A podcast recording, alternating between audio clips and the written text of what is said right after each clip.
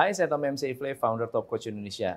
Teman-teman, hari ini kita akan membahas mengenai 5 kebiasaan yang sebenarnya merupakan kebiasaan miliarder. Dan kalau Anda memiliki kebiasaan ini, berarti Anda punya bakat menjadi miliarder.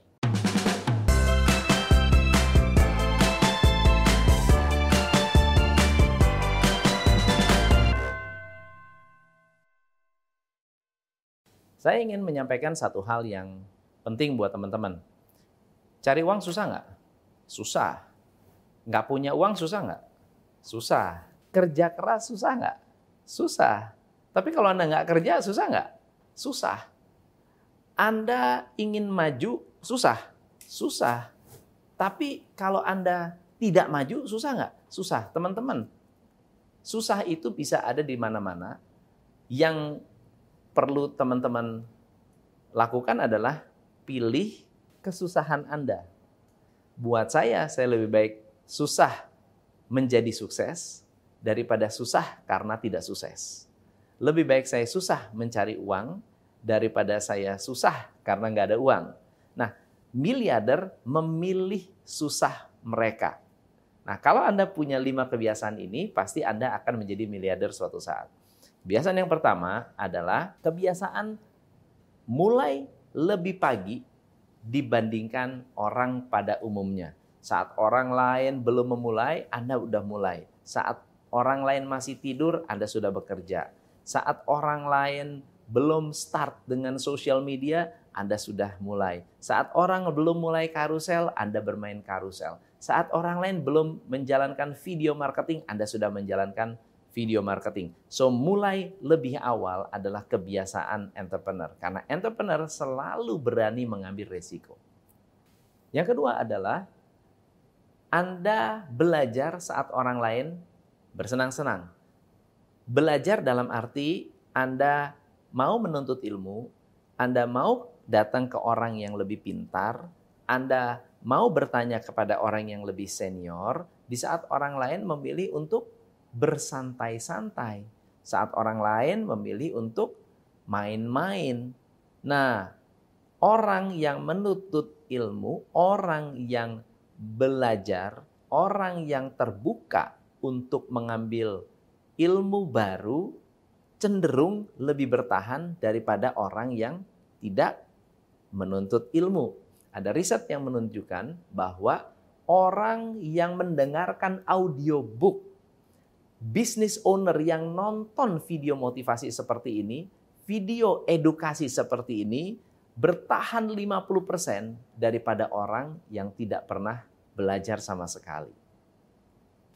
Yang ketiga, kebiasaan berinvestasi sejak muda. Kalau Anda orang yang terbiasa investasi sejak muda, Anda akan memiliki kebiasaan seorang entrepreneur ketika Anda berinvestasi, orang lain belanja, saat Anda berinvestasi, orang lain hambur-hambur uang, Anda akan lebih maju dibandingkan banyak orang. Sejak SMA, saya membiasakan diri untuk nabung sebelum memakai uang.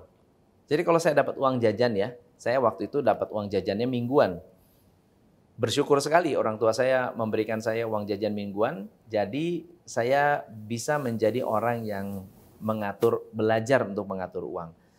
Bagaimana cara saya uh, mengatur keuangan?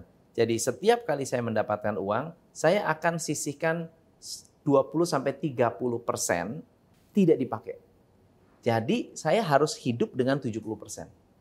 Nah yang 30 persen nanti bisa macam-macam tuh. Saya bisa pakai buat uh, tabung, saya pakai nanti buat beli barang yang saya suka, saya bisa pakai untuk uh, menjalankan hobi, dan seterusnya.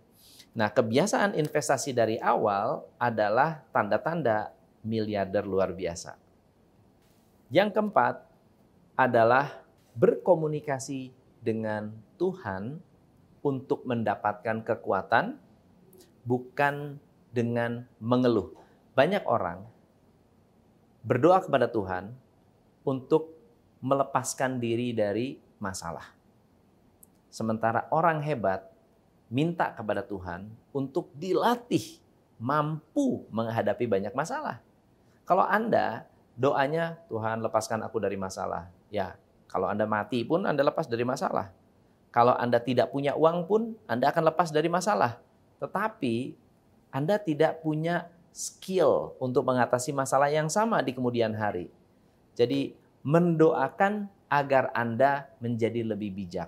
Berdoa agar Anda lebih mampu untuk mengatasi problem yang lebih besar. Berdoa agar Anda mampu membuat karyawan Anda lebih hebat. Bukan Tuhan kirimkan saya karyawan yang bagus. Ya kalau ada. Tapi kalau karyawan bagus ketemu Anda, lalu kemudian nggak betah, itu bukan salah Tuhan. Dan nggak bisa mengeluh juga gitu ya. Ada karyawan bagus, bekerja, eh resign Bukan karena karyawan bagusnya Tuhannya sudah kasih jalan loh. Tuhannya sudah memberikan peluang, tetapi kita tidak bisa menjaga sama sekali.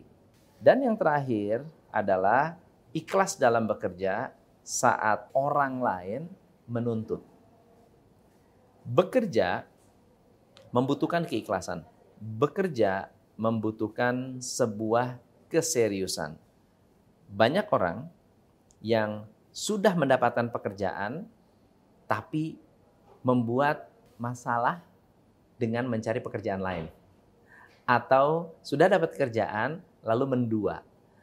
Uh, sudah mendapatkan uh, customer, kemudian customernya tidak dilayani dengan sepenuh hati. Teman-teman, orang yang hebat, bersyukur, dan menjalankan tugas dengan ikhlas. Ciri-ciri orang yang ikhlas adalah serius dalam bekerja. Semoga lima hal ini bisa memberikan Anda inspirasi, semangat, dan edukasi agar bisnis Anda bisa lebih maju, Andanya juga lebih sukses. Saya Tom MC Ifle, salam pencerahan. Hanya di Top Coach Indonesia.